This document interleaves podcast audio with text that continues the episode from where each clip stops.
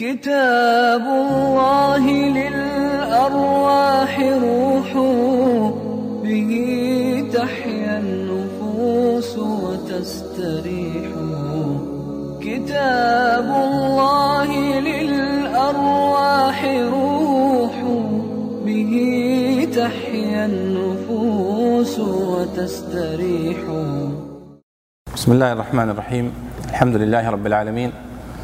وصلى الله وسلم وبارك على سيدنا ونبينا محمد وعلى آله وأصحابه ومن اهتدى بهديه وسار على نهجه إلى يوم الدين. حياكم الله أيها الإخوة الكرام ايتها الأخوات الكريمات في هذه الليلة. وهذا هو يوم الأحد الثاني والعشرون من شهر ذي الحجة من عام 1434 للهجرة. وهذا هو الدرس الرابع والعشرون من دروس التعليق على تفسير الإمام عبد الله بن عمر البيضاوي الشافعي رحمه الله تعالى المتوفى سنة 685 للهجرة. وقد كنا وصلنا في اللقاءات السابقة إلى تفسير الآية الثانية والعشرين من سورة البقرة وهي قول الله سبحانه وتعالى وإن كنتم في ريب مما نزلنا على عبدنا والآية التي قبلها. وهي قوله تعالى الذي جعل لكم الأرض فراشا والسماء بناء وأنزل من السماء ماء فأخرج به من الثمرات رزقا لكم فلا تجعلوا لله أندادا وأنتم تعلمون. وأظن وقفنا عند قول الإمام البيضاوي والسماء بناء البيضاوي رحمه الله والسماء بناء. قبة مضروبة عليه والسماء اسم جنس يقع على الواحد والمتعدد كالدينار والدرهم وقيل جمع سماء والبناء مصدر سمي به المبنى بيتا كان أو قبة أو خلاف ومنه بنى على امرأته لأنهم كانوا إذا تزوجوا ضربوا عليها خلافا جديدا نعم.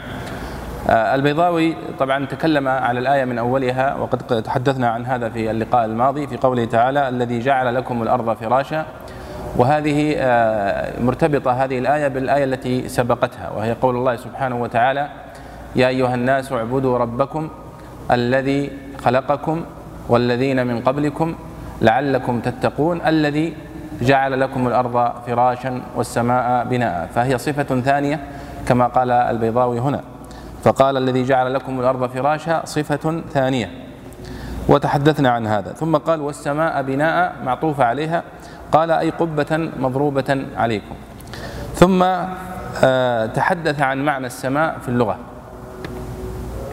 فقال والسماء اسم جنس يقع على الواحد والمتعدد كالدينار والدرهم. واسم الجنس هو الاسم الذي يدل على جنسه سواء يعني يدل على الواحد والمثنى والجمع دلالة واحدة. كما تقول مثلا القوم. القوم لا مفرد له من جنسه أليس كذلك؟ وإنما مفرده رجل أو امرأة.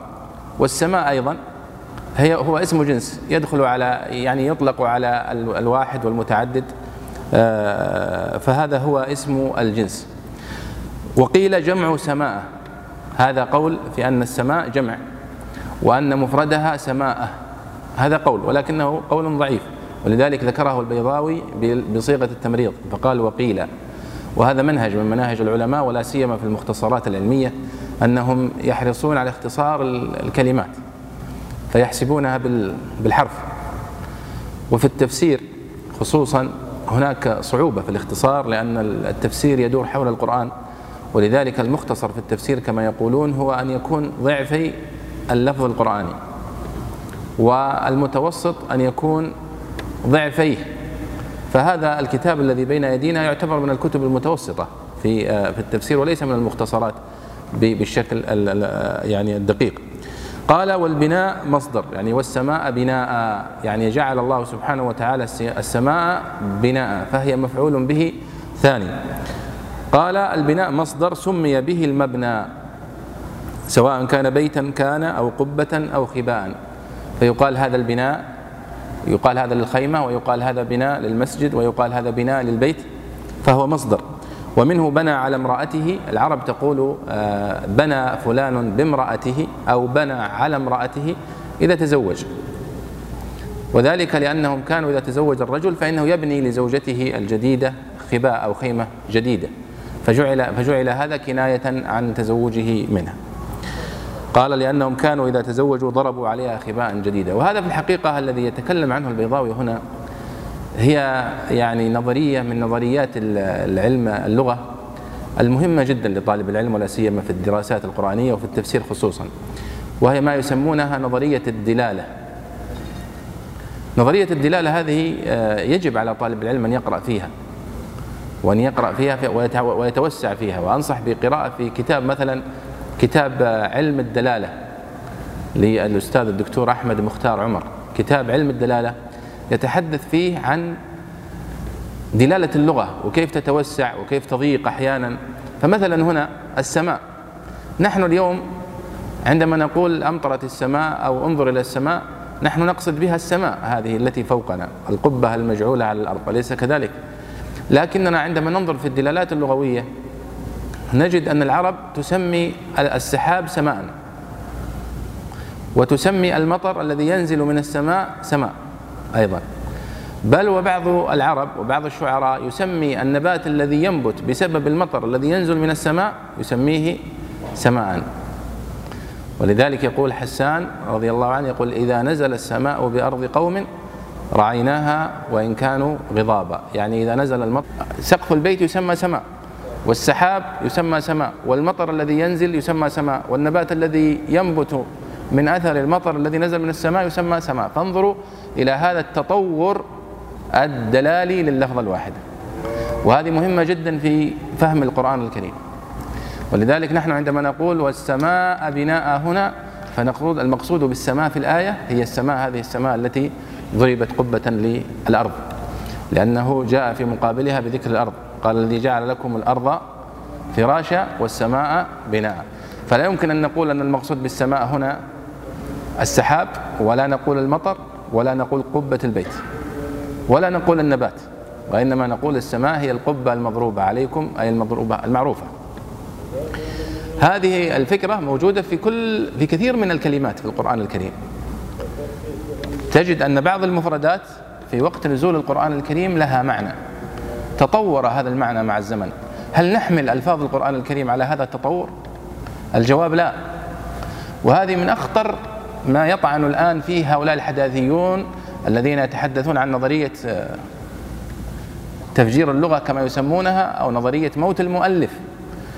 نظرية موت المؤلف البعض ربما يسمع بها. فكرة فكرة نظرية موت المؤلف أنه لا علاقة لمن تكلم بهذا الكلام ولا من أنزل عليه هذا الكلام وهو النبي صلى الله عليه وسلم بفهم هذا النص.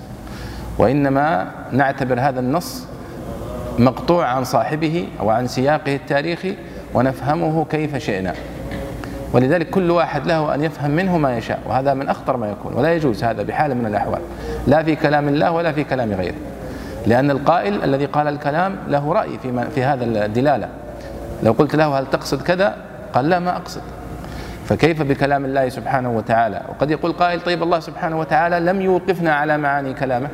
نقول بلى فإن الله قد أدلنا في الكتاب نفسه على أنه بلسان عربي مبين. إنا جعلناه قرآنا عربيا. فلذلك فيه ما في لغة العرب من الأساليب ومن الدلالات. فلا يجوز لنا بحال من الأحوال أن نحمل القرآن الكريم دلالات لا تدل عليها اللغة التي نزل بها كما فهمها الذين نزل عليهم. يعني مثلا على سبيل المثال حتى لا أطيل في هذا فمن يعمل مثقال ذرة خيرا يرى. ذرة الآن لو قلنا ما هي الذرة؟ أكثر الناس في زمننا هذا مثقفون. يقرؤون في الفيزياء وفي الكيمياء فسوف يقول لك الذرة هي أصغر جزء من المادة. وتتكون من البروتونات والإلكترونات. أليس كذلك؟ هل هذا الذرة هي المقصودة في الآية؟ الجواب لا. لأن الذرة المقصودة في الآية هي النملة الصغيرة صغار النمل. وهي التي كان العرب يعرفونها من من دلالة اللغة. تطور مفهوم الذرة وأصبح الآن يقصد به هذه الجزء أصغر جزء من المادة. لا نحمل القرآن الكريم هذا المعنى الجديد والدلالة الجديدة. وقيسوا على ذلك كثير من الألفاظ التي في القرآن الكريم. طيب فالبيضاوي هنا وهو يتحدث هنا يتحدث عن موضوع في غاية الأهمية. فلا ينبغي لنا ونحن نمر عليه أن نغفل الإشارة إلى مثل هذه الفوائد التي نستفيدها في أثناء القراءة في كتب التفسير لأنني أريد أن لا نخرج من الدرس فقط ببيان معاني التفسير لأن المعاني سهلة. ممكن والسماء ما يحتاج لها شرح أصلا معروفة السماء لكن الفكرة التي بنى عليها البيضاوي هذا التفصيل عندما يقول السماء هي القبة المضروبة عليكم أو وقيل هي آه، يعني هي المطر وقيل كذا فهذه فكرتها. طيب تفضل.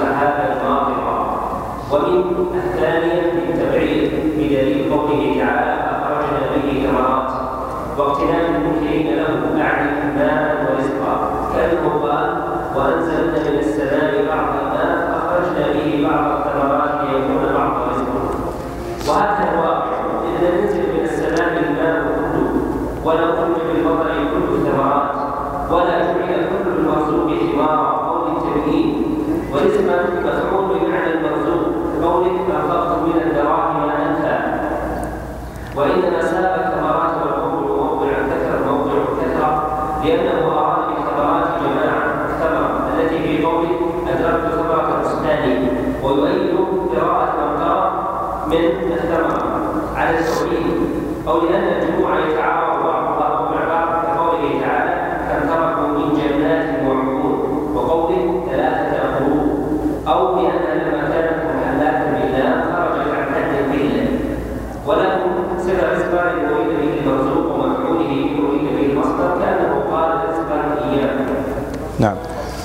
نعم البيضاوي هنا أيضا يتحدث ويحلل يحلل قول الله تعالى وأنزل من السماء ماء فأخرج به من الثمرات رزقا لكم.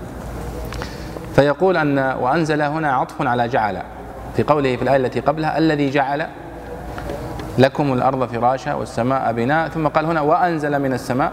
فقوله وأنزل معطوف على قوله جعل طيب وهذه مسألة نحوية يعني يبدأ بدأ بإعراب الجملة. ثم قال وخروج الثمار بقدرة الله تعالى ومشيئته. ولكن جعل الماء الممزوج بالتراب سببا في إخراجها ومادة لها كالنطفة للحيوان. يعني الله سبحانه وتعالى يستطيع ويقدر سبحانه وتعالى أن ينبت النبات دون ما دون مطر. لأن الله سبحانه وتعالى إذا أراد شيئا إنما يقول له كن فيكون. ولكن الله سبحانه وتعالى قد جعل في هذه الأرض سننا. فسارت فهذه على وفق السنن. فيقول ولكن جعل الماء الممزوج آه، أو جعل آه، آه، هذا الماء بالتراب سببا في إخراجها ومادة لها إلى آخره. طيب هذه مسألة. طبعا عندما تلاحظون الآن في التفسير وأنزل من السماء ماء فأخرج به من الثمرات رزقا له لكم. معنى الآية واضح أن الله سبحانه وتعالى أنزل الماء من السماء سواء قلنا أن السماء هنا المقصود بها السماء القبة أو قلنا المقصود بها السحاب. طيب فإذا قلنا أنه أنزل من السحاب ماء فواضح من السحاب مباشرة فتكون من لابتداء. وإن قلنا أنزل من السماء أي من الجهة من جهة السماء. طيب لكن المفسرين يفصلون. كما تلاحظون. ويذكر لك هل فعلا هذا الماء الذي نزل من السماء سبب مباشر لهذا النبات؟ أم أن الله سبحانه وتعالى جعله سببا ظاهرا وإلا فالنبات بقدرته سبحانه وتعالى؟ وهذه طبعا مسألة تعود إلى مسألة عقدية وهي ما يسمونه بالسببية. يعني هل المطر أو الماء كان سببا في إنبات النبات؟ بمعنى هل النبات لولا هذا الماء لم ينبت؟ أم أنه يمكن أن ينبت ولكنه وقع هذا الإنبات لوجود السبب وهو الماء؟ فكما يقول الأشاعرة يقولون وقع السبب عنده لا به. وأهل السنة يرون أنه علة فاعلة كما يقول بعضهم فاعلة. يعني الماء عندما تكون الأرض مجدبة ليس فيها نبات. ولكن عندما يأتيها الماء فإن الله كما قال فإذا أنزلنا عليها الماء اهتزت وربت وأنبتت من كل زوج بهيج. ثم قال إن الذي أحياها لمحيي الموتى. فكما أن الله سبحانه وتعالى يحيي هذه النبات بعد الموت بالماء فكذلك فهو يبعثكم بعد الموت آه، كما يعني ينبت هذا النبات. المهم أن هذه التفاصيل التي تجدونها في مثل هذه المواضع هي تفاصيل يفصل فيها المفسرون. أحيانا يدخلون فيها علم الكلام ومثل هذه المسألة هنا نظرية السببية عند الأشاعرة الذين لا يرون أن هذه الأشياء مسببة بذاتها وإنما هذه الأشياء تحدث عندها لا بها وهي مسألة فلسفية لا تهمنا في التفسير آه، هنا. ثم قال هنا وقوله سبحانه وتعالى من الأولى الذي أنزل من السماء قال من الأولى الابتداء سواء أريد بالسماء السحاب أو الفلك فإن المطر يبتدئ من السماء إلى السحاب ومنه إلى الأرض على ما دلت عليه الظواهر. طبعا البيضاوي في كتابه هنا كما قلنا في مرارا اعتمد في جزء كبير من مادته على تفسير الرازي.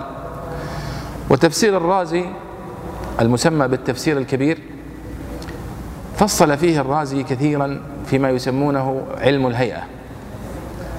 وعلم الهيئة هو علم الفلك علم الفلك. الذي يدرسون فيه اليوم الأجرام السماوية.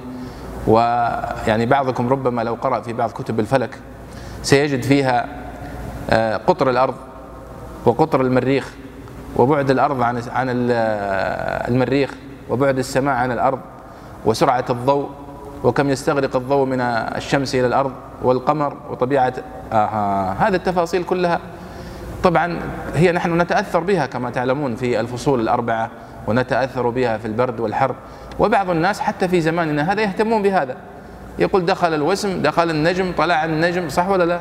وهذا كله هو من علم الهيئة وهو علم العلماء به عناية قديما وحديثا. أما قديما فتجدون فيه منظومات علمية في علم الهيئة وكيف تحسب حسابات المسافات وإلى آخره والفصول ومتى تدخل وأسماءها وأسماء النجوم. والعرب جاء إليهم القرآن الكريم وهم خبراء في النجوم. وكيف يستدلون بها وامتن الله عليهم بذلك وعلامات وبالنجم هم يهتدون إلى آخره. لكن نحن اليوم في الحقيقة في أصبح تخصص مستقل الآن. موضوع الهيئة والفلك وتخصص علمي يعني يعتبر. ولذلك إدخاله في التفسير يعتبر عندنا اليوم هو نوع من الاستطراد الذي لا مبرر له. لكن البيضاوي مع اختصاره يدخل أحيانا فيه وهو متأثر في ذلك ب بالإمام الرازي. قال أو من أسباب سماوية. شوف يعني كيف يفصل وش سبب المطر؟ نحن اليوم يعني نعرف أن سبب المطر هو بخار الماء الذي يتبخر من البحار أليس كذلك؟ وأنه يصعد إلى السماء فيتكثف ويعود على هيئة سحب إلى آخره. كما قال المتنبي قال كالغيث آه، كالبحر يمطره السحاب وما له فضل عليه لأنه من مائه. ف يعني هذا الذي استقر عليه العلم اليوم هو أن المطر هو من بخار الماء الذي يصعد من البحار. قال أو من أسباب سماوية تثير الأجزاء الرطبة في من أعماق الأرض إلى جو الهواء فتنعقد سحابا ماطرا. هذا كلام الرازي في في تفسيره عن وش هو سبب المطر هذا. فيقول هو سباب أسباب سماوية تثير الأسباب الرطبة في الأرض فتنعقد سحابا ماطرا. يلف لفة كذا يعني هو يعبر بأسلوبهم القديم قبل أن يكتشفوا مثل هذه الأجهزة ومثل هذه الذي نعرفه اليوم. طيب قال ومن الثانية للتبعيض. الله يقول الذي أنزل من السماء ماء فأخرج به من الثمرات. فمن هنا في الثمرات للتبعيض. قال بدلالة ماذا؟ قال بدلالة أنه قال في موضع آخر فأخرجنا به ثمرات. فلم يقل فأخرجنا به من ثمرات. فدل على أن من هنا للتبعيض. ثم آه قال وهكذا الواقع. وهذه الحجة كثيرا ما يحتج بها الإمام الشافعي رحمه الله في في الكتاب الأم وفي الرسالة آه، عندما مثلا يستدل في قوله سبحانه وتعالى الذين قال لهم الناس. وهذه مهمة لكم في في التفسير يا شباب. مهمة جدا في كيف تفهم القرآن الكريم. ولا يلبس عليك الناس.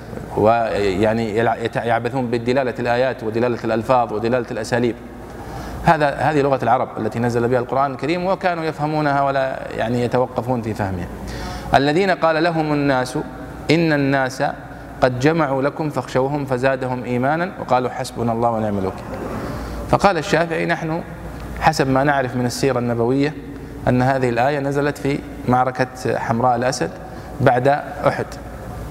طيب وأن ليس كل الناس قالوا للنبي صلى الله عليه وسلم هذا الكلام كلهم الذين قال لهم الناس وإنما هو نعيم بن مسعود. وفي رواية أن معه واحد أو اثنين. إن الناس قد جمعوا لكم. إن الناس المقصود بهم الذين جاءوا من قريش لمحاربة النبي صلى الله عليه وسلم. فإذا الألف واللام في الناس هنا هو عموم المراد به خصوص. الذين قال لهم الناس إن الناس. الألف واللام في الناس الأولى المقصود بها اثنين أو ثلاثة. والناس الثانية المقصود بها أيضا فئة قليلة ولذلك يقول هو الشافعي في فهم هذه الآية قال ونحن نعلم أنه ليس كل الناس قالوا ذلك وليس كل الناس جمعوا للنبي صلى الله عليه وسلم. وهناك أناس مع النبي صلى الله عليه وسلم ما قالوا هذا؟ وهناك أناس في غير لا هم في المدينة ولا هم مع المحاربين ولا هم مع المبلغين للخبر. ناس ما قالوا ذلك. فعلمنا أن المقصود بهذا الخصوص. فكذلك هنا يقول البيضاوي في قوله آه، فأخرجنا به من الثمرات. قال نحن الواقع يقول وهكذا الواقع إذ لم ينزل من السماء الماء كله. الماء كله ما نزل الماء كله باقي في السماء الكثير عبر الزمن والعصور. قال ولا أخرج بالمطر كل الثمرات وإنما أخرج بعض الثمرات. ولا جعل كل المرزوق ثمارا. صحيح فعلا يعني المطر لم ينبت كل ما أنبته المطر هل نأكله؟ لا. وهل نأكله وتأكله الحيوانات؟ لا. هناك أشياء تبقى تنبت ولكنها ليست طعاما لا للإنسان ولا للحيوان. جميل. طيب ثم أيضا تكلم عن الآية أو القراءة التي أيد بها فكرته وهي في قوله من الثمرات يقول هي للتبعيض بدليل أنها في آية أخرى قال ثمرات ولم يقل من ثمرات.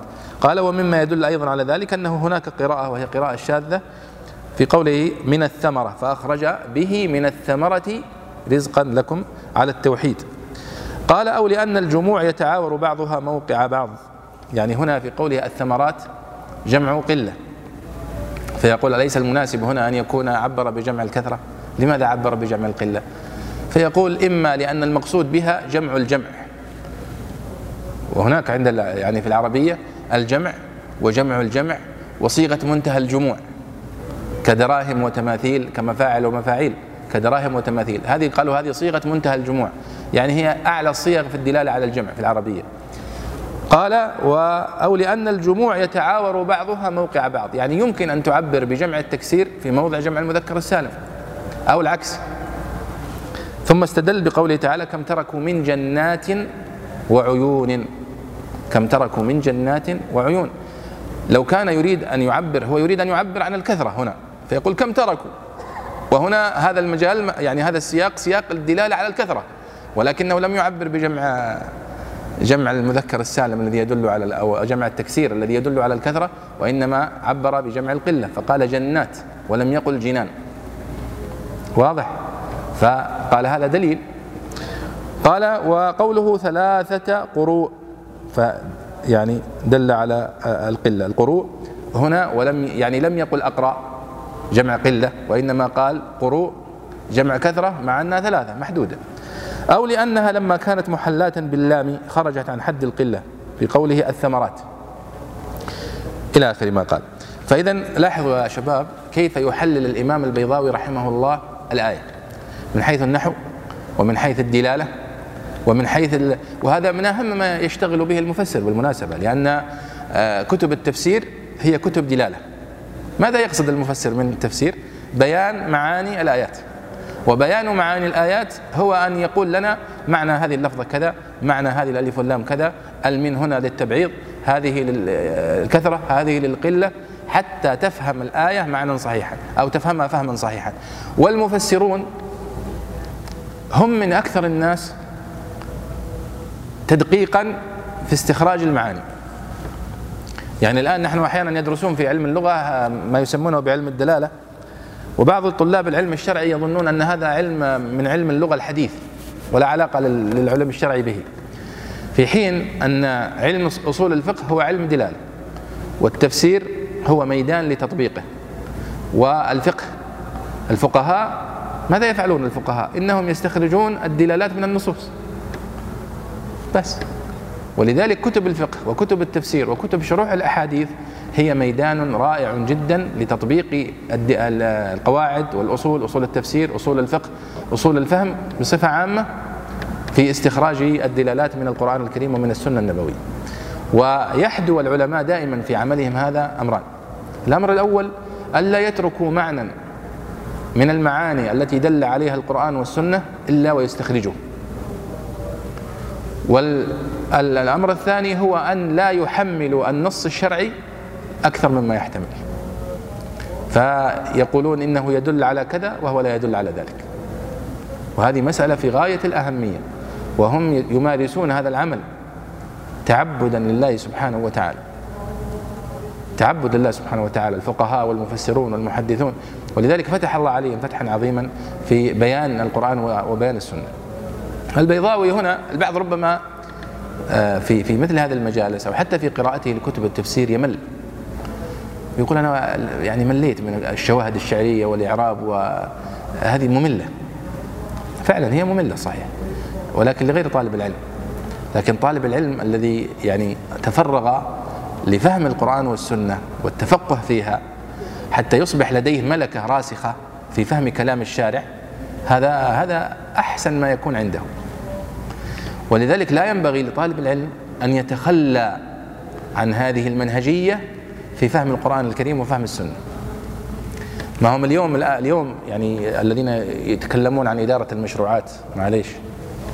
يتحدثون عن ضرورة كتابة دليل بالإجراءات التي ينبغي على صاحب المشروع أن يقوم بها. تماما اليوم وأنت تقوم ببناء هذا المسجد مثلا لابد أن تكتب دليل للإجراءات بحيث لا تغفل شيء مهم ينبغي عليك أن تقوم به. ولا تقدم شيئا قبل شيء. يعني على سبيل المثال افرضوا أن الذي أراد أن يعني يخطط للإضاءة في المسجد لم يخطط لها إلا بعد الانتهاء من الصبة وبعد الانتهاء من التلييس والبوية. ثم جاء قالوا نبغى نسوي الآن كهرباء. كيف يكون موقفه يلا الله يعينك. سووا مخطط للكهرباء الآن في هذا الموقف سيضطر إلى تكسير صح؟ إلى تكسير كثير وهدم كثير وإهدار للمال والجهد. لكن لو فكر في هندسة الإضاءة مع المبنى من أوله فعرف أنه في بناء الجدران هناك أشياء لابد يضعها. وفي صبة السطح هناك يعني مواسير وأشياء يحتاج أنه يضعها. فإذا جاء إذا كل شيء مرتب مبكرا. نحن في فهم القرآن الكريم لدينا إجراءات ولدينا خطة لا يمكن أن نتنازل عنها. ولذلك الذي يأتي اليوم مثلا فيقول يحمل الآيات القرآنية ما لا تحتمل. مثال. في قوله سبحانه وتعالى إن الذين كذبوا بآياتنا واستكبروا عنها لا تفتح لهم أبواب السماء. ولا يدخلون الجنة حتى يلج الجمل في سم الخياط. المفسرون قالوا الجمل الجمل المعروف البعير. وهناك قراءة من القراءات الشاذة رويت عن ابن عباس رضي الله عنهما حتى يلج الجمل في سم الخياط. فقالوا الجمل من معانيه الحبل الغليظ. جيد. خلاص الحبل الغليظ. لكن المعنى الذي عليه القراءات العشر المتواترة هو البعير الجمل. فيأتي رجل ويقول الجمل هو الحبل. ولا يأتي لم يرد في القرآن الكريم الجمل بمعنى البعير. لأن الحبل أليق الإبرة أو بسم الخياط من الجمل. فنحن نعرف أن سم الخياط يعني يدخل فيه الخيط الصغير أليس كذلك؟ لكن عندما تقول لا يدخل لا يمكن أن يدخل الخيط الكبير في سم الخياط هذا منطقي لأن خيط كبير وخيط صغير. لكن عندما تقول يدخل البعير في سم الخياط ما علاقة البعير بسم الخياط؟ فيظن المستمع أن هذا كلام منطقي وأنه مستند فعلا إلى معنى صحيح في كتب التفسير وهذا غير صحيح. لأنه جاء إلى معنى من معاني القراءات الشاذة فحمله على معنى من معاني القراءات المتواترة. هذا خطأ. هذا خطأ في الإجراءات. خطأ ارتكبه واضح إجرائي. ثم أيضا أوهم المستمع والقارئ بأن هذا كلام منطقي لأن الحبل أليق بسم الخياط من الجمل. ولذلك يحدث يحدث بلبلة. إذا ما عندك أنت أصول تفسير تحتكم إليها ولا عندك إجراءات تسير عليها وقعت في سوء الفهم للقرآن الكريم وللسنة النبوية. هذا مثال واحد وهناك أمثلة كثيرة وستمر معنا. أمثلة كثيرة يحمل القرآن الكريم معاني لا يحتملها.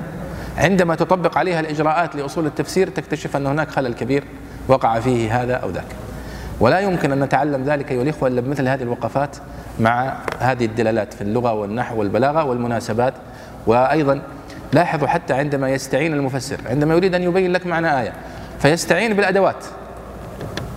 يستعين بلغة العرب شعرا ونثرا ويستعين بالقراءات.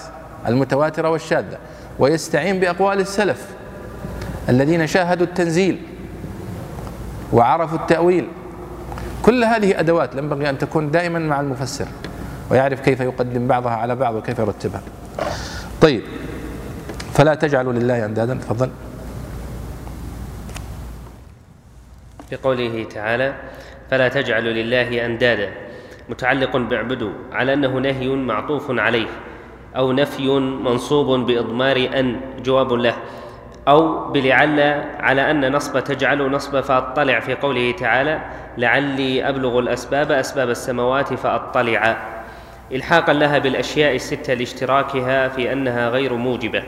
والمعنى إن تتقوا لا تجعلوا لله أندادا. أو بالذي جعل إن, استنف... إن استأنفت به على أنه نهي وقع خبرا على تأويل مقول فيه. لا تجعلوا. والفاء للسببية أدخلت عليه لتضمن المبتدأ معنى الشرط.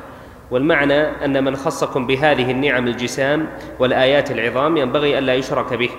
والند المثل المناوئ قال جرير أتيما تجعلون إلي ندا إلي ندا وما تيم لذي حسب نديد. من ند يند ندودا إذا نفر. وناددت الرجل خالفته. خص بالمخالف المماثل في الذات كما خص المساوي بالمماثل في القدر. وتسمية ما يعبده المشركون من دون الله أندادا وما زعموا أنها تساويه في ذاته وصفاته ولا أنها تخالفه في أفعاله. لأنهم لما تركوا عبادته إلى عبادتها وسموها آلهة شابهت حالهم حال من يعتقد أنها ذوات واجبة بالذات قادرة على أن تدفع على أن تدفع عنهم بأس الله وتمنحهم ما لم يرد الله بهم من خير. فتهكم بهم وشنع عليهم بأن جعلوا أندادا لمن يمتنع أن يكون له ند. ولهذا قال موحد الجاهلية زيد بن عمرو بن نفيل أربا واحدا أم ألف رب أدين إذا تقسمت الأمور؟ تركت اللات والعزى جميعا كذلك يفعل الرجل البصير. جميل. هذه الآيات تذكرون في أول ما قال الله سبحانه وتعالى يا أيها الناس اعبدوا ربكم. وقلنا أن هذا النداء هو أول نداء في القرآن الكريم حسب ترتيب المصحف. فقال اعبدوا ربكم فأمر بالتوحيد. طيب لماذا؟ قال الذي جعل لكم الأرض فراشا الذي خلقكم والذين من قبلكم لعلكم تتقون الذي جعل لكم الأرض فراشا والسماء بناء وأنزل من السماء ماء إلى آخره. فاستدل بالربوبية على الألوهية. وهذا المنهج ينبغي أن تتقنوه تماما أيها الإخوة فهو متكرر في القرآن الكريم كثيرا. وفي السنة النبوية أيضا. وهو كان من أعظم الأدلة التي استدل بها النبي صلى الله عليه وسلم على التوحيد أن تستدل بالربوبية على الألوهية الذي خلقك ورزقك وأنزل المطر وأنبت النبات. أليس هو أولى بالتوحيد والعبادة؟ بلى. فهنا نفس المعنى. فالله سبحانه وتعالى بعد أن ذكر هذا الامتنان الذي جعل لكم والذي أنزل والذي خلقك قال فلا تجعلوا لله أندادا. يعني ما دام ما دمتم تؤمنون بأنه هو الرازق وهو الخالق سبحانه وتعالى فلا تجعلوا له ندا لا تجعلوا له شريكا تعبدونه من دون الله وأنتم تعلمون. وسوف يأتي الحديث عن تعلمون. طبعا البيضاوي هنا قدم الإعراب فأعرب فلا تجعلوا لله أندادا. ما هو إعرابه؟ فقال الفاء هنا هل هي سببية؟ هل هي عاطفة؟ يعني بسبب أن الله خلقكم ورزقكم لا تجعلوا له أندادا وهذا وارد. وصنعة الإعراب يا شباب صنعة اجتهادية. صنعة اجتهادية. ما كانت موجودة في عهد النبي صلى الله عليه وسلم ولا في عهد الصحابة ولا كان أحد منهم يعرف مفعول به ولا فاعل ولا منصوب ولا مرفوع. بمعناها الاصطلاحي ولكنهم كانوا يتكلمون ويفهمون على السليقة. لكن هذه العلوم نشأت عندما احتاجت الأمة إليها. كل هذه العلوم الشرعية. ولذلك كليات الشريعة وأصول الدين واللغة العربية ما كان لها أن توجد لولا القرآن الكريم. أبدا ما كان في حاجة اسمها لا لغة عربية ولا أصول فقه ولا كلية الشريعة ولا الجامعات هذه كلها. نشأت كلها خدمة للقرآن الكريم والسنة ونشأت علوم كاملة بسبب خدمة هذا النص الشرعي. ولذلك الآن عندما يأتي ويبحث يقول والله هذه إما أن تكون سببية وإما أن تكون عاطفة وإما أن تكون استئنافية هذه كلها علوم اجتهادية وهي صنعة الإعراب. الهدف منها هو كما قلت لكم يعني الاستقصاء في استخراج الدلالات. إن كانت سببية فمعناها أنها علة لما قبلها. خلقك ورزقك وأعطاك فبسبب ذلك لا تجعل له ندا. والله والنبي صلى الله عليه وسلم قد أكد هذا المعنى في كما قال في الحديث الصحيح أي الذنب أعظم؟ قال أن تجعل الله ندا وهو خلقك. وهذا هو معنى قوله وأنتم تعلمون. يعني وأنت تعلم أنه هو الذي خلقك وأنت تؤمن به. طيب. ثم انتقل البيضاوي ففسر المعنى الند في اللغة العربية. ما معنى الند؟ فلا تجعلوا لله أندادا. قال أنداد جمع ند والند هو المماثل المناوئ. يعني شوفوا الدلالة. الند ما هو المثل فقط المد المناوئ. ولذلك أنت لا تقول لصديقك أنه ند لي وإنما تقول هذا لمن ينافسك. واستدل على ذلك بقول جرير. وجرير بن عطية كما تعلمون الشاعر التميمي المعروف آه، من الشعراء الذين يحتج بشعرهم. وهو شاعر من من الحجج.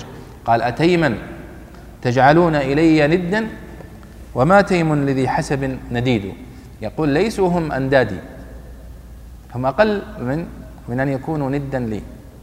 لكن الشعراء أو المفسرون يحتجون بشعر الهجاء. ما ينظرون للمعنى. هو هجاء هو مدح هو رثاء هو معناه شريف ولا معناه ساقط؟ ما ينظرون له وإنما ينظرون للدلالة. ولذلك البعض يجد في كتب التفسير أحيانا استدلال بأبيات فيها نوع من المجون. يقول يعني سبحان الله ما يستحون أما يتقون الله ويسوي نفسه هو أبو الزهد. لا لا لا هذه مسألة منهجية. هذه مسألة منهجية ولذلك كان ابن قتيبة رحمه الله يقول وأما من يتصنع الزهد فيظن أن إيرادنا لبعض أبيات المجون هو خارج عن الزهد فهو ما فهم أو أو كلمة نحوها. نحن نقول المفسرون لا يلتفتون إلى المعنى وإنما يلتفتون إلى الدلالة. وهذا يريح طالب العلم كثيرا. لكن يأتيك بعضهم لا يفهم المنهجية فيشغب. لذلك بعضهم يأتي فيختصر تفسير ابن جرير ويقول وقد استبعدت منه ما لا يليق. يعني عشان يسوي نفسه يقول إن أنا يعني ابن جرير الله يصلحه ويهديه يعني أخطأ بإراده كذا وكذا وهو فتح الله عليه فاستدرك. فالفكرة أن هذا هذا من الخلل في فهم كلام السلف وفي إيرادهم واستدلالهم. والعادة أنه لا يقرأ مثل هذه الكتب إلا أمثالكم من طلبة العلم الذين يفهمون لماذا أوردت طيب قال هي من ند يند ندودا إذا نفر. وناددت الرجل خالفته. هذه مسألة اشتقاقية. وهي وأيضا التفسير مليء بهذا الأسلوب وهو أسلوب كيف اشتقت الكلمة هذه من هذه واللغة العربية كما يسمونها لغة اشتقاقية ولادة يعني اللفظة الواحدة تشتق منها ضرب يضرب مضروب ضارب ضرب وهكذا. فتجد أنها لغة غنية ودائما اللغة الاشتقاقية لغة غنية. اللغة الجامدة لغة فقيرة. ولذلك جذور اللغة العربية أكثر من أكثر اللغات جذورا كما يتحدث بذلك الخبراء باللغات. يقولون اللغة العربية من أكثر اللغات مفردات. وكتاب لسان العرب لابن منظور يعني فيه أكثر من 120 ألف مادة لغوية. طيب قال مأخوذة من ند يند إذا نفر. يعني الآن نقول هذا والله فلان ندي. وقلنا في تعريف الند أنه المساوي المماثل الند المماثل أو المماثل المناول. المماثل المناول. كأنه نفر منك وأصبح ينافسك. نفر منك وينافسك. فيقول كأنها من ند عن الشيء إذا نفر منه.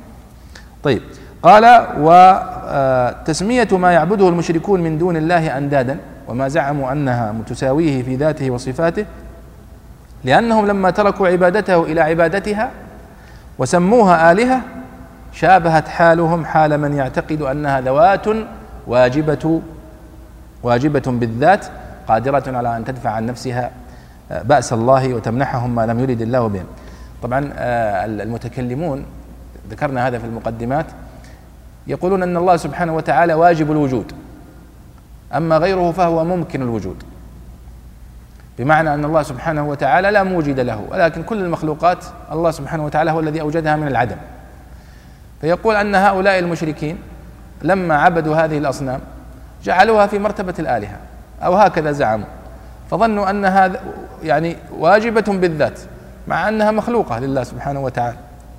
ولذلك استشهد بقول زيد بن عمرو بن نفيل أربا واحدا أم ألف رب أدين إذا تقسمت الأمور؟ كما قال النبي صلى الله عليه وسلم لأحدهم يعني كم كم تعبد يا فلان؟ قال تسعة. أو قال سبعة نسيت. فقال ستة في الأرض وواحد في السماء. أصنام. فقال فمن لرغبك ولرهبك؟ قال الذي في السماء. الفطرة. فإذا هم لديهم هذا الفطرة الراسخة في نفوسهم ولكنهم يعني اجتالتهم الشياطين كما ذكر النبي صلى الله عليه وسلم فعبدوا هذه الأصنام. وإلا هم لو رجعوا إلى رشدهم لو رجعوا إلى كلام زيد بن عمرو بن نفيل وأمثاله كثير. عندما يقول أربا واحدا أم ألف رب أدين إذا تقسمت الأمور تركت اللات والعزى جميعا كذلك يفعل الرجل البصير. هذا كلام زيد وهو جاء في زمن الفترة ما في خبر. ولو ليت الواحد منا يقرأ أيها الإخوة حتى يعلم فضل الله عليه.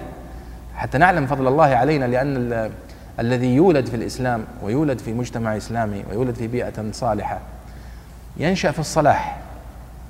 فلا يدرك بعضنا لا يدرك نعمة هذه النعمة التي هو فيها. لذلك لو تقرؤون في كتب التاريخ التي أرخت للعرب في الجاهلية تعرفون كيف كان زمن الفترة. كيف كان يعيش الناس؟ في ضلال. وتذكرون أو وتقرؤون في قصص بعض العرب الذين كانوا يبحثون عن الحق. مثل زيد بن عمرو. سافر خرج من إلى الشام خرج إلى أكثر من منطقة يريد أن يبحث عن الحقيقة. جلس مع اليهود جلس مع النصارى ولم لم يرتاح قلبه لهذه الأديان المحرفة. ولذلك كانوا يقولون نحن على دين أبينا إبراهيم. وش هو دين أبيك إبراهيم؟ ما يدري. هناك غموض شديد. كما قال الله سبحانه وتعالى على حين فترة من الرسل.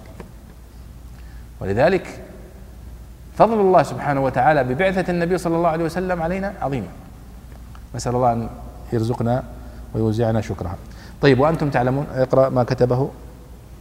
طبعا البيضاوي الآن سوف يصنع صنيع هو يفعله في تفسيره كثيرا. سوف يفسر الآية ثم يلخص ما تقدم كله في آخرها.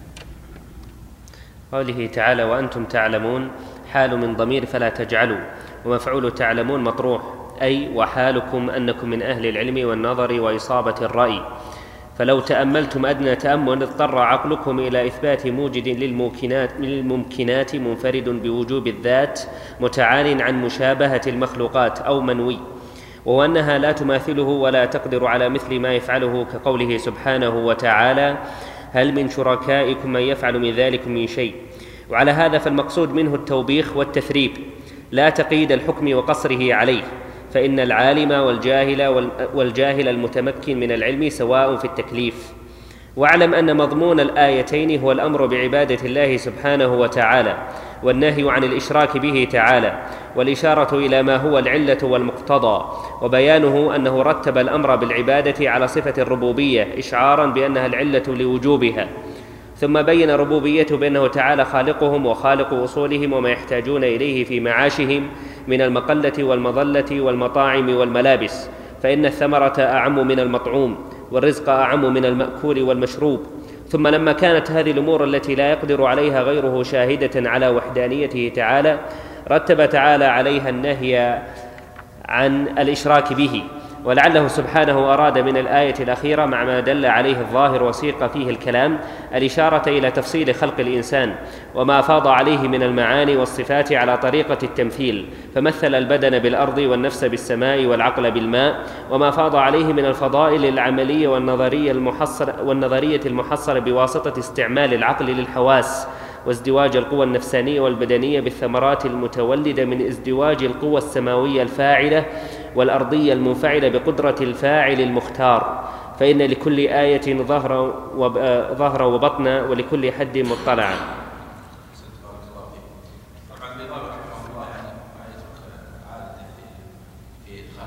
هذا التفسير الإشاري أحيانا. آه، لكنه يعني تكلم في قوله وأنتم تعلمون. آه، فلا تجعلوا لله أندادا وأنتم تعلمون لأن هذا أبلغ في في تقبيح فعلهم بالشرك. يعني كيف تجعل لله سبحانه وتعالى شريكا وأنت تعلم أنه هو الخالق والرازق والمحيي والمميت وأنه لا شريك له في ملكه ولا في خلقه ولا في رزقه. فلا شك أن الملامة تكون أكثر. عندما يخالف الإنسان يرتكب مثلا المخالف لإشارة المرور مثلا. عندما يرتكب هذا الفعل وهو جاهل بالنظام يكون أخف ممن يرتكب الفعل وهو عالم به. يعني على سبيل المثال لو رأيتم آه، يعني رجل مرور آه، يقطع إشارة المرور كيف ستكون النظرة إليه؟ طبعا إذا كان في سيارة خاصة أما إذا كانوا في سيارتهم الرسمية فهم يقطعون الإشارة ولا أحد يسألهم. لكن عندما يرتكب الذي يقوم على على إقامة النظام الخطأ فلا شك أنه تكون الملامة عليه أعظم أليس كذلك؟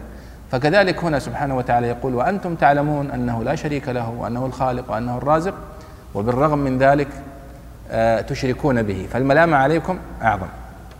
هذا معنى قوله وأنتم تعلمون. واستدل بقوله تعالى هل من شركائكم من يفعل من ذلكم من شيء. وهذا كثير في القرآن الكريم أن الله سبحانه وتعالى يتحدى. وهذه بالمناسبة فيها تحدي هذه الآيات. أن الله سبحانه وتعالى يقول في آيات في سورة لقمان هذا خلق الله. فأروني ماذا خلق الذين من دونه. يلا. طبعا الجواب هو الانقطاع وأنه لا شيء. ثم لخص البيضاوي رحمه الله مضمون هذه الآية. قال واعلم أن مضمون هذه الآيات الآيتين يا أيها الناس اعبدوا ربكم الذي خلقكم والذين من قبلكم لعلكم تتقون الذي جعل لكم الأرض فراشا. مضمون هاتين الآيتين. قال هو الأمر بعبادة الله سبحانه وتعالى والنهي عن الإشراك به تعالى والإشارة إلى ما هو العلة والمقتضي. يعني لماذا أمرتكم بالتوحيد؟ لأن الله هو الذي خلق ورزق وأنزل من السماء ماء وأنبت إلى آخره. ثم فصل في ذلك وقال أن الله سبحانه وتعالى وهذا من التفسير الإشاري يا شباب. التفسير الإشاري هو الانطلاق من أي سبب في الآية إلى معنى يظنه مرتبطا به. مثل على سبيل قال فالتقطه آل فرعون. تكلم القرطبي في هذا الباب كثيرا عن اللقطة وأحكامها. أخذ بس كلمة التقطه وانطلق ففصل في موضوع بعيد عن عن عن, عن هذه الآية. وفي التفسير الإشاري فيه حق وباطل. وفتح الباب فيه دون ضابط يدخل الإنسان في تحميل كلام الله سبحانه وتعالى ما لا يحتمل. وهذا في غاية الخطورة. وهذا الموضوع ينبغي أن يكون الإنسان وطالب العلم منه على حذر مثل هذه الموضوعات. يعني الآن ماذا يقول البيضاوي؟ يقول ولعله سبحانه وتعالى. ها شوف. يعني البيضاوي يعني أخرج شو اسمه العتاب عندما قال ولعله. يعني هو لا يجزم بهذا القول الذي يقول لكن يقول أنا لعله أراد من الآية الأخيرة. وهي قوله الذي أنزل من السماء ماء فأخرج به من الثمرات رزقا لكم. قال فلعله أراد من الآية الأخيرة مع ما دل عليه الظاهر. لاحظوا يا شباب. يعني هو فسر الآية كما مر معنا وحملها على ظاهرها وفسر معنى السماء في اللغة وإلى آخره. قال مع ما دل عليه الظاهر وسيق فيه الكلام. يعني حتى لا يأتي واحد ويقول البيضاوي يقول بالتفسير الإشاري هنا. هل معنى ذلك أنه يرد التفسير الظاهر؟ لا. طيب. قال يريد ماذا؟ قال يريد الإشارة إلى تفضيل إلى تفصيل خلق الإنسان وما أفاض عليه من المعاني والصفات على طريقة التمثيل فالله سبحانه وتعالى يريد أن يمتن على الإنسان بما خلق فيه من الإمكانيات ومن النعم مثل العقل وإلى آخره بهذا المثال بإنزال المطر من السماء ثم إنبات الأرض بسبب هذا المطر. قال فمثل البدن بالأرض. يعني كأن الله شبه البدن بدن الإنسان بالأرض. والنفس بالسماء. والعقل بالماء. وما أفاض عليه من الفضائل العملية والنظرية المحصلة بواسطة استعمال العقل للحواس وازدواج القوى النفسية والبدنية. مثل هذا كله قال بالثمرات المتولدة من ازدواج القوى في المطر. المطر الآن ماذا يفعل؟ المطر ينزل على الأرض؟ ويتفاعل مع ما في هذه الأرض من الثمرات فينبت. فيقول كذلك هذا الذي خلق الله في الإنسان من العقل والحواس والنظر فإنها تتفاعل مع بعضها فيفكر الإنسان ويثمر اخلاقا وعلما وفهما وتصرفات وإلى آخره. قال متولدة من ازدواج القوى السماوية الفاعلة والأرضية المنفعلة بقدرة الفاعل المختار. وهم طبعا الفاعل المختار يقصد العقل الذي أودعه الله سبحانه وتعالى في الإنسان وأنه قد جعله يفكر به ويثمر ويتعلم ويعني يعني آه، ينتج من هذه النعم التي أفاض الله على الإنسان بها أشياء كثيرة جدا كما أن الله يثمر بهذا المطر الذي ينزل على الأرض أشياء كثيرة.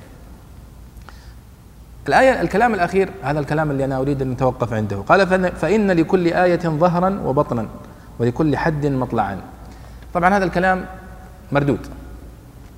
وهذا هو الذي يعتمد عليه الإشاريون وغلاة الصوفية في حمل معاني القرآن الكريم على معاني لا علاقة لها باللغة ولا علاقة لها بالسياق ولا شيء. أبدا الآية ليس لها إلا ظهر. البطن الذي نؤمن به في الآية إن آمنا بأن للآية بطنا على هذا التفسير هو الاستنباطات التي تدل عليها الآية. بمعنى أن التفسير هو الظاهر المعنى الظاهر للآية والاستنباط هو الذي تدل عليه هذه الظواهر. مثال ذلك. في قصة المشهورة التي نعرفها جميعا في قصة عمر بن الخطاب رضي الله عنه. عمر لما تولى الخلافة آه، كان لديه منهجية رائعة جدا في إدارة الأمور. كان يجالس علماء الصحابة هم أهل الشورى عنده. فهم دائما جلساء. أهل القرآن وأهل العلم وكبار الصحابة يستشيرهم في كل شيء. فكان ياتي كان يحب عبد الله بن عباس رضي الله عنه. عبد الله بن عباس كان شاب صغير يعني عمره 14 أو 15 سنة ربما في ذلك الوقت أو أكثر قليلا. لكنه يبقى شاب يعني صغير مقارنة بكبار الصحابة رضي الله عنهم. فشعر عمر بن الخطاب رضي الله عنه أن الصحابة بعضهم متضايق وبعضهم يقول يعني يجلس يجلس ابن عباس معنا وأبناؤنا أو أصغر منه أو أكبر منه. فذات يوم أراد أن يبين للصحابة الذين في المجلس أنني أنا اخترت عبد الله بن عباس أن يجلس معنا لأنه متميز في الفهم. هذا ما هو بشاب طبيعي هذا هذا شاب متميز. يعني عقله عقل كبار. فسأل سؤالا في تفسير سورة النصر. قال ماذا تفهمون من قوله تعالى إذا جاء نصر الله والفتح؟ ورأيت الناس يدخلون في دين الله أفواجا. فسبح بحمد ربك واستغفره إنه كان توابا. قالوا الصحابة سهلة. أن هذا أمر من من الله سبحانه وتعالى للنبي صلى الله عليه وسلم. أنه إذا جاء نصر الله نصرك الله يا محمد وفتح عليك مكة. ورأيت الناس من أفواج من أنحاء الجزيرة يأتون ويدخلون في الإسلام زرافات ووحدانا فأكثر من التسبيح والإستغفار. ممتاز وهذا التفسير صحيح 100% والذي يجيب بهذا الجواب في الاختبار أعطيه عشرة من عشرة. قال ماذا تقول فيها يا ابن عباس؟ قال هذه نعي للنبي صلى الله عليه وسلم. كيف؟ قال هذا معناها إذا جاء نصر الله والفتح ورأيت الناس يدخلون في دين الله أفواجا يا محمد فهذا علامة دنو أجلك. خلاص انتهت مهمتك. فماذا؟ فسبح بحمد ربك واستغفر إنه كان توابا. فقال عمر بن الخطاب ضحك. قال والله لا أفهم منها إلا هذا الفهم طبعا الذي يظن أن معنى كلام عمر بن الخطاب أن أجوبة الصحابة غلط هذا مخطئ. لا جوابهم صحيح. لكن هذا هو تفسير الآية الظاهر.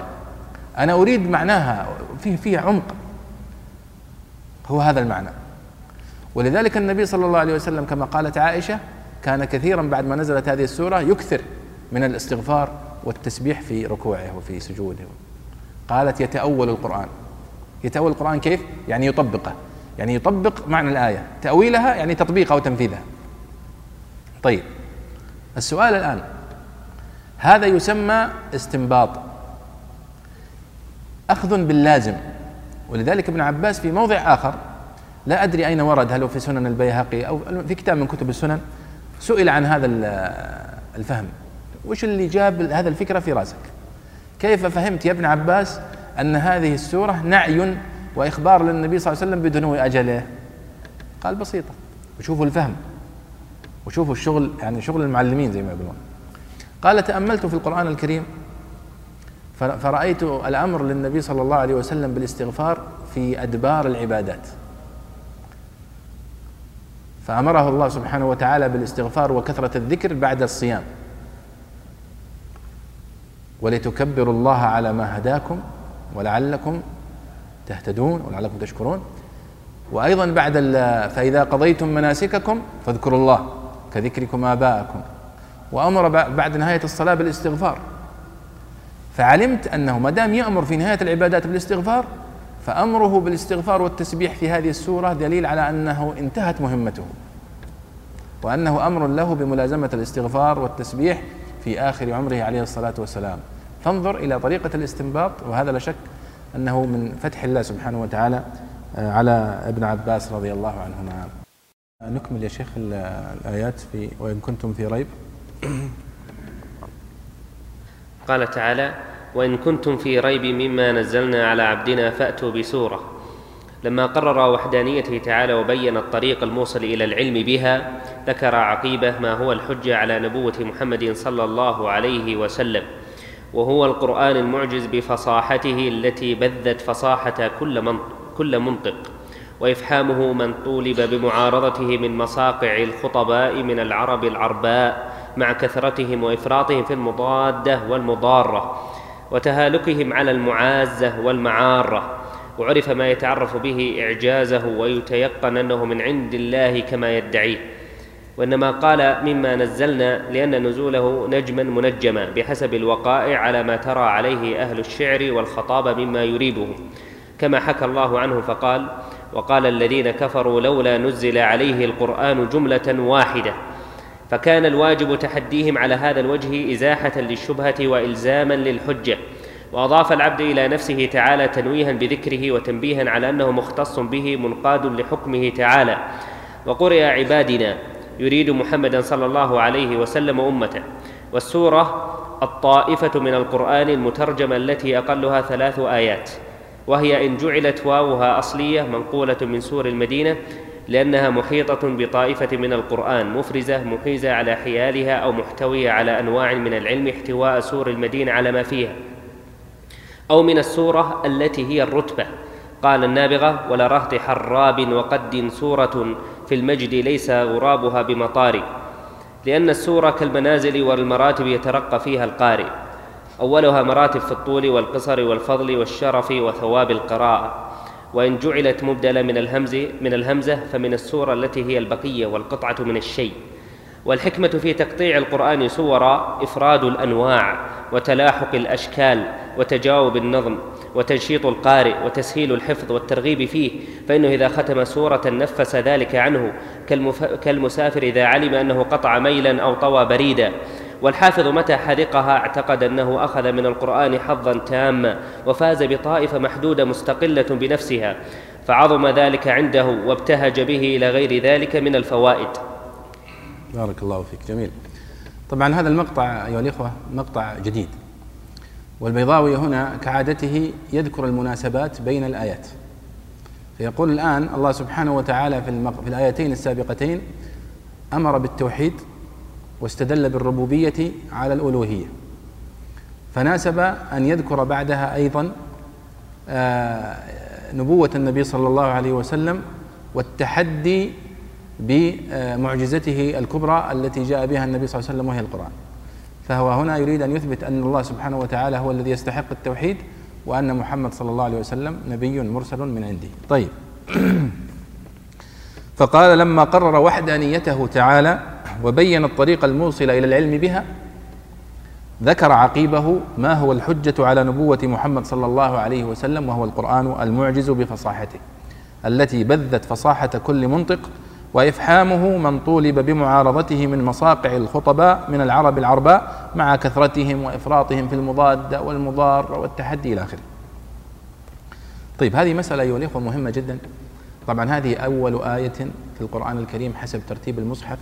التحدي بالإتيان بمثل القرآن الكريم وهذه إحدى أو هي آخر الآيات التي نزلت في التحدي بالإتيان بمثل القرآن الكريم كيف؟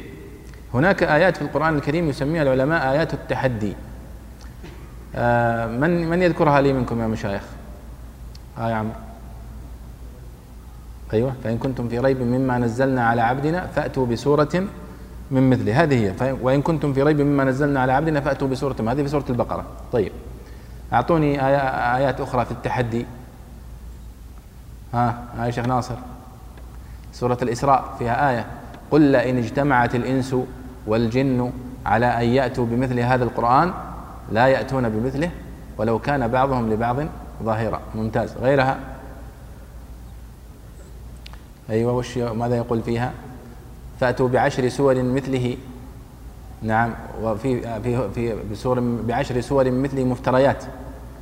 وفي قوله في سورة الطور فأتوا بحديث مثله. إن كنتم صادقين. طيب ممتاز. طبعا المنطق المنطق يقول أن التحدي كان بالأقل ثم الأكثر. فقال فأتوا بسورة من مثله. صح؟ طيب وهذا موجود في سورة فأتوا بسورة في سورة البقرة والبقرة آخر آية. ولذلك يخطئ من الباحثين من يرتب الآيات في التحدي على هذا الأسلوب المنطقي. ويقول أنه جاء التحدي بسورة ثم بعشر سور ثم بالقرآن كاملا. والصحيح أنه قد نزل التحدي على حسب السياق الذي ورد فيه. غير مرتبة على هذا الترتيب. قد كتب في ذلك عدد من الباحثين بحوثا في هذا الترتيب ترتيب آيات التحدي في القرآن الكريم. لكن لاحظوا في الآيات التي ورد التحدي فيها في الآيات المكية فيها شدة. فمثلا في سورة الطور وهي من الآيات السور المكية المتقدمة جاء التحدي فيها بالقرآن كاملا فليأتوا بحديث مثله إن كانوا صادقين. وفي سورة الإسراء وسورة الإسراء كما تعلمون نزلت متقدمة. يعني سورة الإسراء نزلت عندما عرج بالنبي صلى الله عليه وسلم إلى أو أسري به من مكة إلى البيت المقدس. فنزلت بعد هذه الحادثة سبحان الذي أسرى بعبده ليلا من المسجد الحرام ونزلت فيها هذه الآية أو قل إن اجتمعت الإنس والجن على أن يأتوا بمثل هذا القرآن لا يأتون بمثله ولو كان بعضهم لبعض ظهيرا فكانت هذه قطعت هذه الحجة. ولا شك أن هذه الآيات هي من من دلالات إعجاز القرآن الكريم لأنه لا يمكن لرجل عاقل أن يتكلم بمثل هذا الكلام. لا يمكن أبدا لرجل عاقل أن يتكلم بمثل هذا الكلام. فيقول أتحداكم حتى تقوم الساعة. لأنك أنت إذا كنت تضمن المجتمع اللي أنت فيه أنت كيف تضمن أنك تتحدى كل الناس؟ وتتحدى الإنس والجن؟ وتتحداهم إلى أن تقوم الساعة؟ لا يمكن يقول هذا بشر أبدا يعقل. ولكن الذي يقول هذا هو الرب القادر الذي يملك المستقبل كله ويملك الماضي كله. هذا هو الله سبحانه وتعالى. ولذلك هذه الآيات آيات التحدي هي من دلائل إعجاز القرآن وأنه ليس من عند النبي صلى الله عليه وسلم. وهذه بالمناسبة فيها فكرة جميلة تصلح لكم يعني وهي ما يسمونه في علم اللغة وفي علم التخاطب استراتيجية الخطاب. يتفلسفون يقولون لك استراتيجية الخطاب في في في علم يعني في البحوث الدلالية. يقصدون باستراتيجية الخطاب ببساطة أن لكل مقام مقال. لكل مقام مقال. وأيضا لكل آه، متحدث أو لكل متحدث معه أسلوبه الذي يناسبه. يعني أنا الآن أتحدث معكم الآن وأنا أعرف أنكم جميعا طلاب علم ويعني تفهمون كل هذه التفاصيل التي يذكرها هذا البيضاوي هنا. فأتحدث معكم بلغة آه، فيها مصطلحات وفيها يعني ربما لا يفهمها الرجل العادي أو العامي لكن لو كنت سأشرح تفسير البيضاوي لمجموعة من المتخصصين في الدراسات القرآنية ربما أتحدث بأسلوب مختلف. وربما لو دعيت وقيل لي تعال يا عبد الرحمن نريد أنك تشرح الدرس هذا لطلاب في أولى ابتدائي. لا يمكن أبدا أن نتحدث بهذه الطريقة. سأتحدث بطريقة مختلفة تماما. هذا ماذا يعني هذا في إعجاز القرآن؟ ما علاقته بالآية؟ هذا علاقته أيها الإخوة أن العرب كانوا أهل فصاحة وبلاغة وكانوا يعرفون مستويات الخطاب التي يعهدونها في البيئة. يعني الآن نحن في البيئة نحن الآن. من هو أكبر رجل تتحدث معه في العالم الآن ولا في المجتمع اللي تعيش فيه؟ يعني لو سألتكم ستقولون والله أكبر رجل نتحدث معه هو الملك. طيب يلا تعال. نريد أن تلقي كلمة أمام الملك في موضوع مثلا الصبر. أعد لنا كلمة ستلقيها أمام الملك في موضوع الصبر. يلا روح. ستذهب وتعدها بطريقة وبعناية لكن لو قلت لك ستلقي هذه الكلمة أمام مدير المدرسة. ستنظر نظرة مختلفة ليس كذلك. فإذا قلت لك سوف تلقي هذه الكلمة أمام زملائك في الفصل فإذا قلت سوف تلقيها أمام طلاب الروضة. فإذا قلت لك تعال تعال أنا سأعطيك مسجد فيه مئة ألف لكنهم لا يفهمون العربية. يلا ألقى عليهم كلمة في الصبر بالعربية. كيف ستصنع يا شيخ ناصر؟ أرأيتم هذا الاختلاف؟ يعني لكل مقام له مقاله الذي يناسبه. طيب ما رأيكم الآن في العرب عندما نزل عليهم القرآن؟ هم يعرفون خطابات الملوك لبعضهم. وخطابات الشعراء وخطابات الخطباء. يعرفونها كلها. لما سمعوا القرآن الكريم شعروا أنه يأتي من جهة عليا. من هو هذا اللي يتكلم؟ اللي يتكلم عن المستقبل ويتكلم عن الغيب ويتكلم عن الجنة والنار ويتكلم عن المستقبل. وقال الشيطان لما قضي الأمر إن الله وعدكم وعد الحق ووعدتكم فأخلفتكم. وما كان لي عليكم من سلطان إلا أن دعوتكم فاستجبتم لي فلا تلوموا. ونادى أصحاب الجنة أصحاب النار أن أفيضوا علينا ونادى أصحاب النار أصحاب الجنة أن أفيضوا علينا من هذه هذا الحوارات التي يذكرها الله في القرآن الكريم. متى؟ يوم القيامة في المستقبل. ولكنه يذكرها بصيغة الماضي. ونادى أصحاب النار نادى في الماضي وهو في المستقبل. من هذا الذي يملك المستقبل ويتحدث عن المستقبل كأنه يتحدث عن الماضي؟ هذا لا يمكن يكون بشر. ويتحدى هذه هذه معجزة شيء غريب. ثم لا يستطيع أحد أن يرد عليه هذا التحدي. هذه أشد غرابة. ثم العرب كلهم شعراء وفصحاء يعني ما هم ناس يعني يعني فيهم فهاهة ولا فيهم عي. لا أبدا. ثم بعد هذا كله ولذلك نحن عندما نقول القرآن هو المعجزة الكبرى نحن نقصد هذه المعاني أيها الإخوة. هذه معاني في غاية الدقة. ولم يستطع العرب أبدا أن يأتوا بمثل هذا القرآن. وكل من أراد أن يأتي بالقرآن أو يعارضه يسقط في عين نفسه قبل أن يسقط في أعين الناس. فهذه هي المعاني التي نحن يعني يتحدى الله سبحانه وتعالى بها فيقول آه وإن كنتم في ريب مما نزلنا على عبدنا إن كنتم في شك من هذا القرآن الذي أنزلناه على محمد فأتوا بسورة من مثله. طبعا هنا ذكر في البداية المناسبة بين هذه الآيات والتي قبلها. حلو. وهذا منهج ممتاز عند الإمام البيضاوي. هذا من مزايا تفسير البيضاوي أنه يذكر المناسبات بين الآيات. وهذه الفكرة استفادها من شيخيه من الكشاف الزمخشري الكشاف ومن تفسير الرازي هذه يعني من الأشياء الظاهرة. ثم أيضا تكلم بعد ذلك البيضاوي في آه، تعريف أو الفكرة في قوله عبدنا. وهذه أيضا لفتة بلاغية جميلة جدا. لماذا قال الله سبحانه وتعالى فأتوا بسورة آه، وإن كنتم في ريب مما نزلنا على عبدنا ولم يقل مما نزلنا على نبينا مما نزلنا على رسولنا وإنما وصفه بوصف العبودية. هنا وصف العبودية في مثل هذه المواضع هو الدلالة على الشرف والتكريم. ولذلك لو لاحظتم أنتم أن الله سبحانه وتعالى قد وصف النبي صلى الله عليه وسلم بالعبودية في أشرف المواقف. فمثلا وصفه بالعبودية هنا في إنزال القرآن الكريم. وصفه بالعبودية في سورة الكهف. الحمد لله الذي أنزل على عبده الكتاب. فوصفه بالعبودية في عند نزول القرآن. ووصفه في العبودية في الإسراء. فقال سبحان الذي أسرى بعبده ليلا. يريد أن يشرفه. ووصفه في العبودية عندما يقوم يدعو إلى الله في سورة الجن. وأنه لما قام عبد الله يدعوه كادوا يكونون عليه لبدا هذه مواصف مواطن شريفة جدا ويصفه بهذا الوصف. ولذلك أخذ الشاعر آه هذا المعنى فقال ومما زادني شرفا وتيها وكدت بأخمصي أطأ الثريا دخولي تحت قولك يا عبادي وأن صيرت أحمد لي نبيا. فكوني دخلت تحت العبودية الله هذا شرف عظيم. نسأل الله أن يرزقنا وإياكم هذا الشرف. طيب فقال وأضاف العبد إلى نفسه تعالى تنويها بذكره وتنبيها على أنه مختص به منقاد لحكمه تعالى يقصد النبي صلى الله عليه وسلم. طيب. النقطة التي بعدها قال وقرئ عبادنا يعني يريد محمدا وأمته يعني وإن كنتم في ريب مما نزلنا على عبادنا وهي آه، قراءة شاذة. ثم انتقل البيضاوي فقال ما المقصود بالسورة؟ وإن كنتم في ريب مما نزلنا على عبدنا فأتوا بسورة. السورة ما هي السورة؟ أها نرجع للمعنى اللي قلناه في أول الدرس وهو قضية التطور الدلالي التغير الدلالي. السورة وش هي السورة؟ السورة عند العرب لها معنيان المنزلة الرفيعة. ولذلك يسمون السور سورا لأنه مرتفع يحجز بين شيئين. ويسمون المكان الرفيع السورة.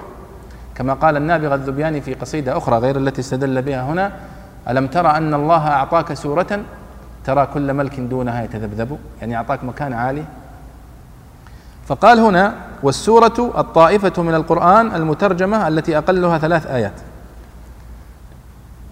هم يعرفون السورة في علوم القرآن فيقولون السورة هي الطائفة المترجمة وأقلها ثلاث آيات. وش معنى مترجمة؟ الطائفة يعني العدد المحدود يعني من الآيات. المترجمة يعني التي لها اسم محدد. مترجمة يعني مسماة باسم. سورة الأنعام سورة البقرة سورة الإسراء النساء. ولذلك الزمزمي في منظومة عندما يقول في تعريف السورة قال والسورة الطائفة المترجمة ثلاث آي لأقلها سمة. هو ينظم هذا الكلام الذي ذكره البيضاوي في في تفسيره. فيقول والسورة الطائفة من القرآن المترجمة التي يعني لها عنوان التي أقلها ثلاث آيات وهي إن جعلت واوها أصلية. يتكلم عن الاشتقاق. السورة السورة مشتقة من إيش؟ قال أنت بين خيارين. هل الواو في السورة واو أصلية ولا منقلبة عن همزة؟ طيب إن كانت واوها أصلية فهي مأخوذة من المنزلة الرفيعة. ومنه قول النابغة آه ولرهط حراب وقد سورة في المجد ليس غرابها بمطاري يعني لهم منزلة رفيعة. ويقول في, في البيت الآخر ألم ترى أن الله أعطاك سورة ترى كل ملك دونها يتذبذب يمدح فيقول ألم ترى أن الله أعطاك منزلة رفيعة كل الملوك يعني يتواطؤون عنها. طيب قال وهي إن جعلت واوها أصلية منقولة من سور المدينة لأنها محيطة بطائفة من القرآن إلى آخره. يعني يقول السورة محددة. يعني سورة الإنسان مثلا محددة بعدد معين من الآيات. لها موضوع محدد لها اسم محدد. إذا حفظها الواحد منا انتهى منها. خلاص حفظت سورة الإنسان انتهينا. قال و آه وإن جعلت مبدلة من الهمزة فمن السؤرة. يا شيخ ليست من السورة وإنما بالهمز. ولذلك المطبعة فيها خطأ الطبعة فيها خطأ. من السؤرة. بل هي من السؤر. السؤر وهو بقية الذي يشربه الإنسان في الإناء. ولذلك سؤر الهرة وش هو سؤر الهرة؟ بقية الماء, الماء الذي تشربه. سؤر الهرة أو سؤر الكلب لأنه بقية. فنقول أن السورة لماذا سميت سؤرة؟ قالوا لأنها بقية قطعة صغيرة من القرآن الكريم فسميت بذلك. والصحيح أنها أصلها واوها أصلي وليست مبدلة من همزة. ثم ذكر فائدة جميلة. وهي ما هي الحكمة يا ترى من تقطيع القرآن الكريم إلى سور؟ يعني سورة البقرة تلاحظون كم الفاتحة؟ كم آية؟ سبع آيات. طيب تخيلوا يا شباب لو كانت سورة الفاتحة مثلا سبعين آية ونقرأها في كل ركعة. يعني متى نخلص الصلاة؟ أليس كذلك؟ لكن لاحظوا سورة الفاتحة أول سورة في القرآن الكريم سبع آيات ونقرأها في كل ركعة. الذي بعدها مباشرة سورة البقرة. 286 آية. سورة بعدها العمران 200 سورة النساء 176 ثم تأتيك بعدها المائدة 120 لكن آياتها طويلة. وهكذا شوف. ثم تأتي إلى المفصل سمي المفصل لأنه كثير الفصل بسرعة تخلص لك سورتين ثلاث أربع بسرعة. في آخر القرآن الكريم قصار السور. ما هي الحكمة من هذا التقسيم للسور؟ قال البيضاوي. ذكر كلام جميل. وهذا ترى الكلام الذي يذكره البيضاوي هنا قد لا تجدونه حتى في بعض كتب علوم القرآن التي تذكر تقسيم السور. قال والحكمة في تقطيع القرآن سورا إفراد الأنواع وتلاحق الأشكال وتجاوب النظم وتنشيط القارئ وتسهيل الحفظ والترغيب فيه فإنه إذا ختم سورة نفس ذلك عنه كالمسافر إذا علم أنه قطع ميلا أو طوى بريدا والحافظ متى حذقها اعتقد أنه أخذ من القرآن حظا تاما وفاز بطائفة محدودة مستقلة بنفسها فعظم ذلك عنده وابتهج به إلى غير ذلك من الفوائد. هذا كلام جميل جدا. أن فعلا تقسيم القرآن الكريم إلى سور هو فيه هذه الفوائد مجتمعة. فإنه تلاحظون بعض السور تنتهي مثلا بالنون بعضها تنتهي بالميم. كل سورة من السور لها جو خاص. هذه قصير الآيات هذه طويلة هذه مليئة بالأحكام هذه مليئة بالوعيد هذه فتقسيمها إلى سور جعل فيها إمكانية للتنقل من سورة من معنى إلى معنى ومن جو إلى جو. ثم أمر آخر وهو تنشيط للقارئ. أنت إذا خلصت سورة البقرة تشعر براحة. ثم السورة الثانية تشعر أنك خلصت سورة تحفظ جزء تحفظ جزئين وهكذا. فهذه فوائد عظيمة فعلا ما كانت لتكون لولا تقسيم القرآن الكريم إلى هذه السور. ثم زاد العلماء أيضا بعد النبي صلى الله عليه وسلم يعني تقسيما فقسموا القرآن إلى أرباع وأحزاب وأجزاء. كل ذلك من أجل تسهيل القراءة وتسهيل الأوراد والأحزاب وغير ذلك من الفوائد التي آه، يعني يستفيدها من يقرأ القرآن الكريم مجزأ على هذا النحو. طبعا هذه الآيات إن شاء الله وهي آية التحدي فيها كلام كثير ويعني فيها تفاصيل كثيرة إن شاء الله نرجئها إلى المحاضرة القادمة إن شاء الله نبدأ بها. وأذكر لكم أنا ترتيب هذه الآيات آه، كيف نزلت ولماذا جاء التحدي بهذه الطريقة. وكيف كان القرآن الكريم هو المعجزة الكبرى للنبي صلى الله عليه وسلم آه، بالرغم من أن البعض الآن يقول أنا الآن لا أستشعر الإعجاز في القرآن الكريم. أنا ما أستشعر الإعجاز لكن عندما تذكر له بعض الإعجاز العلمي ينبهر. في حين أنه كان ينبغي عليه أن ينبهر أكثر ببلاغته وبيانه. نتوقف عند هذا الحد ونستكمل إن شاء الله في الدرس القادم. صلى الله وسلم على سيدنا ونبينا محمد وعلى آله وصحبه أجمعين. كتاب الله للأرواح روح به تحيا النفوس وتستريح.